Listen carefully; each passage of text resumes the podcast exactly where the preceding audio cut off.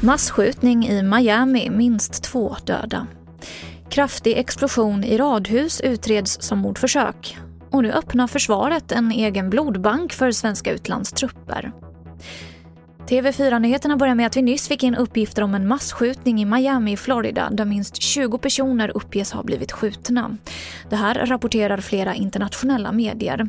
Två personer ska ha dött och ett flertal har förts till sjukhus. Massskjutningen ska ha skett utanför en konsert.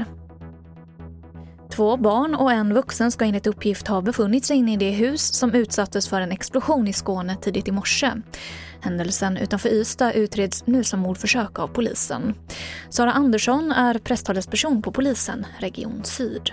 Där är skador på fasad, fönster, även taket. Eh, det är en bil som ska ha stått ute på gatan som också är skadad. Än så länge så, eh, så har jag ingen information om bakgrunden utan det är någonting som vi kommer att titta på eh, under dagen varför detta har, eh, om det finns en anledning till att det, har, det här har hänt just där. Nu öppnar försvaret en egen blodbank för att det ska finnas blod att få för de runt 400 svenska soldater som tjänstgör i Mali. Insatsen i Mali är riskfylld och enligt Ekot så uppmanar försvaret i hemvärnet att donera till blodcentralen som kommer att drivas i samarbete med Karolinska institutet. Och jag avslutar med att berätta att Storbritanniens premiärminister Boris Johnson har gift sig med sin flickvän Carrie Simmons.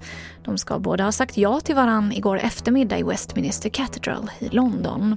Och det här är första gången sedan år 1822 som en brittisk premiärminister gifter sig under sin tid vid ämbetet. Och det var det senaste från TV4 Nyheterna. Jag heter Emily Olsson.